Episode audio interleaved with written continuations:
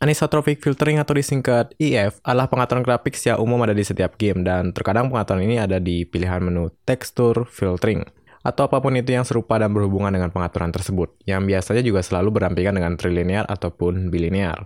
Jadi kami akan menjelaskan apa itu anisotropic filtering sejelas dan sesingkat mungkin. Ketika kita bermain game, terutama game 3D, anisotropic filtering akan cukup berpengaruh dalam menampilkan hasil gambar di bagian yang mendekati horizon. Mengapa?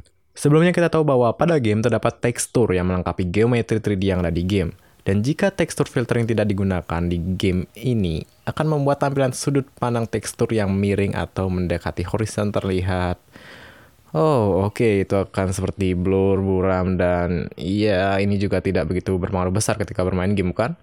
Yap, memang seperti itu. Walaupun tidak berpengaruh besar, ini akan mempengaruhi kesan saja pada grafis di game, yaitu antara aneh dan buruk di bagian ketika tekstur mendekati horizon atau bisa disebut juga miring. Maka dari itu, pengaturan anisotropic filtering dapat digunakan untuk meningkatkan kualitas dari tekstur tersebut. Dan metode ini juga berhubungan dengan metode trilinear ataupun bilinear dalam melakukan tekstur filtering, di mana menghapus efek aliasing pada tekstur. Dan untuk aliasing, apa itu anti-aliasing, kegunaannya, dan sebagainya, untuk lebih jelasnya jika kalian tertarik, kalian dapat lihat di video sebelumnya, di mana linknya sudah tersedia di deskripsi video ini.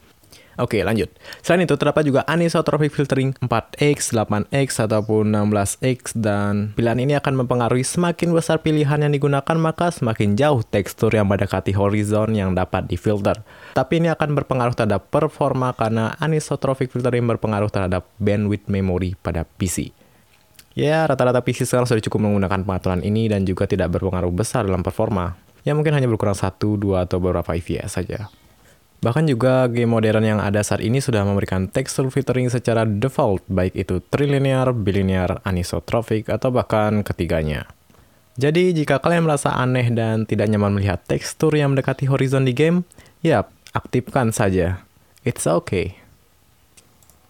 Like jika kalian suka, dislike jika kalian tidak suka, jika berkenan kalian dapat share dan subscribe, dan sampai jumpa di video berikutnya.